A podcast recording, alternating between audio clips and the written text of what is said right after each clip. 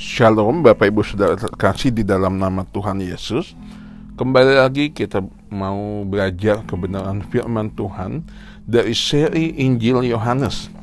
Pada hari ini kita mau belajar dari Yohanes pasal 17 Bapak Ibu yang terkasih Kalau kita melihat Yohanes 17 Ditulis dengan perikop atau judul Doa Yesus untuk murid-muridnya. Ya doa Yesus untuk murid-muridnya. Kalau kita membaca pasal 17 sebetulnya bagian ini dibagi menjadi dua bagian secara tidak langsung di dalam ayat 1 sampai dengan ayat yang kelima tentang doa Yesus untuk dirinya sendiri. Lalu ayat yang ke-6 sampai dengan 26 doa Yesus untuk para murid. Mungkin Bapak Ibu Saudara semua bertanya kenapa Yesus berdoa untuk para murid? Saya ingin mengajak Bapak Ibu kepada peristiwa sebelum Yesus ditangkap bahwa di mana Yesus pada saat itu berdoa yaitu hal yang sama di mana dia berdoa di Taman Getsemani seperti yang tertulis pada Injil-Injil yang lain Matius, Markus dan Lukas. Artinya adalah pada saat itu Yesus berdoa untuk para murid karena dia tahu bahwa para murid akan tergoncang imannya. Yesus tahu bahwa para murid akan tergoncang imannya, untuk itulah dia berdoa. Bapak Ibu yang terkasih, di mana pada saat Yesus berdoa, itu waktu kejadiannya ada beberapa jam sebelum dia ditangkap, sebelum dia disiksa, dianiaya, bahkan sampai dihujat, sampai disalib, dan puncaknya adalah dia mati di atas kayu salib. Itulah yang membuat alasan Yesus dia berdoa supaya murid-murid tidak tergoncang imannya. Tetapi saya mau berkata kepada Bapak Ibu bahwa apa yang Yesus lakukan saya mau katakan dengan kata luar biasa. Kenapa luar biasa? Karena seperti ini tadi saya jelaskan, di saat Yesus akan menghadapi perjalanan penderitaan yang begitu hebat, masih sempat-sempatnya dia mendoakan para murid di saat dia Yesus sudah tahu bahwa dia akan menjalani penderitaan yang begitu hebat, tetapi dia masih sempat-sempatnya mendoakan para murid. Menjadi pertanyaannya bagaimana dengan kita kalau kita menghadapi hal yang sama. Di saat kita dalam situasi yang gawat, darurat, dalam situasi panik, genting, kita masih peduli sama orang lain atau tidak? Nah, ini jadi sebuah hal, makanya saya katakan tadi menjadi hal yang luar biasa. Yesus masih sempat-sempatnya doain para murid di mana dia nggak lama lagi akan menghadapi perjalanan penderitaan. Kembali lagi ke dalam topik tentang doa Yesus untuk para murid. Pertanyaannya adalah, kenapa Yesus berdoa untuk para murid?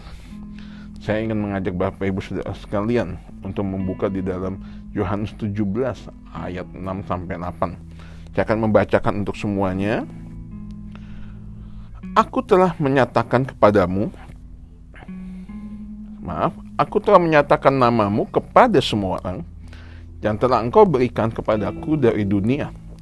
Mereka itu milikmu dan engkau telah memberikan mereka kepadaku dan mereka telah menuruti firmanmu Ayat 7, sekarang mereka tahu bahwa semua yang engkau berikan kepadaku itu berasal darimu. Ayat 8, sebab segala firman yang engkau sampaikan kepadaku telah kusampaikan kepada mereka dan mereka telah menerimanya. Mereka tahu benar-benar bahwa aku datang daripadamu dan mereka percaya bahwa engkau yang telah mengutus aku.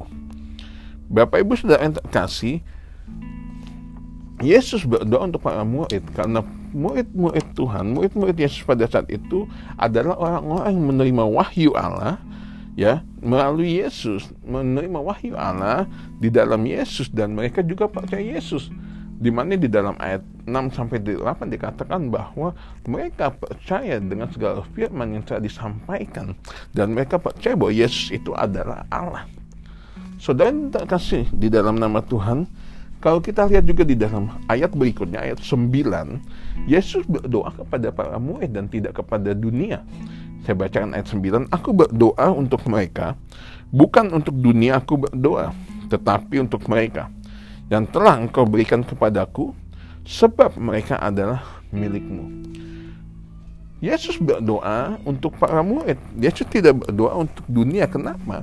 Karena dunia berisi kumpulan orang atau dunia telah dirasuki oleh dosa. Dosa telah masuk ke dalam dunia dan banyak orang-orang di dunia lebih memilih tidak taat kepada Allah. Dengan kata lain, banyak orang-orang di dalam dunia lebih berkompromi dengan dosa. Dengan kata lain, itulah yang membuat Yesus doa pun bukan hanya berdoa pada para muridnya dan juga Yesus memiliki sebuah harapan agar para murid tidak memiliki hidup seperti dunia. Artinya para murid tidak hidup berkompromi dengan dosa atau tidak hidup seperti bagaimana orang-orang dunia menjalani kehidupannya. Kasih kita melihat bahwa pada akhirnya kembali lagi kembali lagi bahwa Yesus men, apa namanya berdoa kepada mereka karena mereka adalah milik Allah. Dan doa Yesus yang sama kepada para murid doa itu saya percaya untuk kita semua Bapak Ibu Saudara dan saya yang ada pada saat ini di mana mengingatkan kita bahkan menyemangati kita bahwa kita adalah milik Allah. Kita kepunyaan Allah kalau kita lihat kita kenapa kita juga milik Allah? Kita percaya Yesus sebagai Tuhan, kita menerima Yesus sebagai Tuhan dan juga kita percaya semuanya kita percaya firman itu mengubahkan hidup kita. Kita percaya juga karena penubas, penebusan Yesus kita diselamatkan dari dosa. Bapak Ibu tak kasih, oleh karena itu menjadi miliknya Allah bukan sekedar kita diangkat jadi milik, tetapi perubahan status di mana kita yang sebelumnya hamba dosa menjadi hamba kebenaran. Kita yang seharusnya menjadi budak dosa menjadi hamba hamba kebenaran yang hidup di dalam Tuhan. Oleh karena itu, dari doa Yesus ini kiranya menjadi dorongan bagi kita semua untuk lebih hidup sungguh-sungguh untuk lebih sungguh-sungguh lagi dalam hidup sebagai anak Tuhan.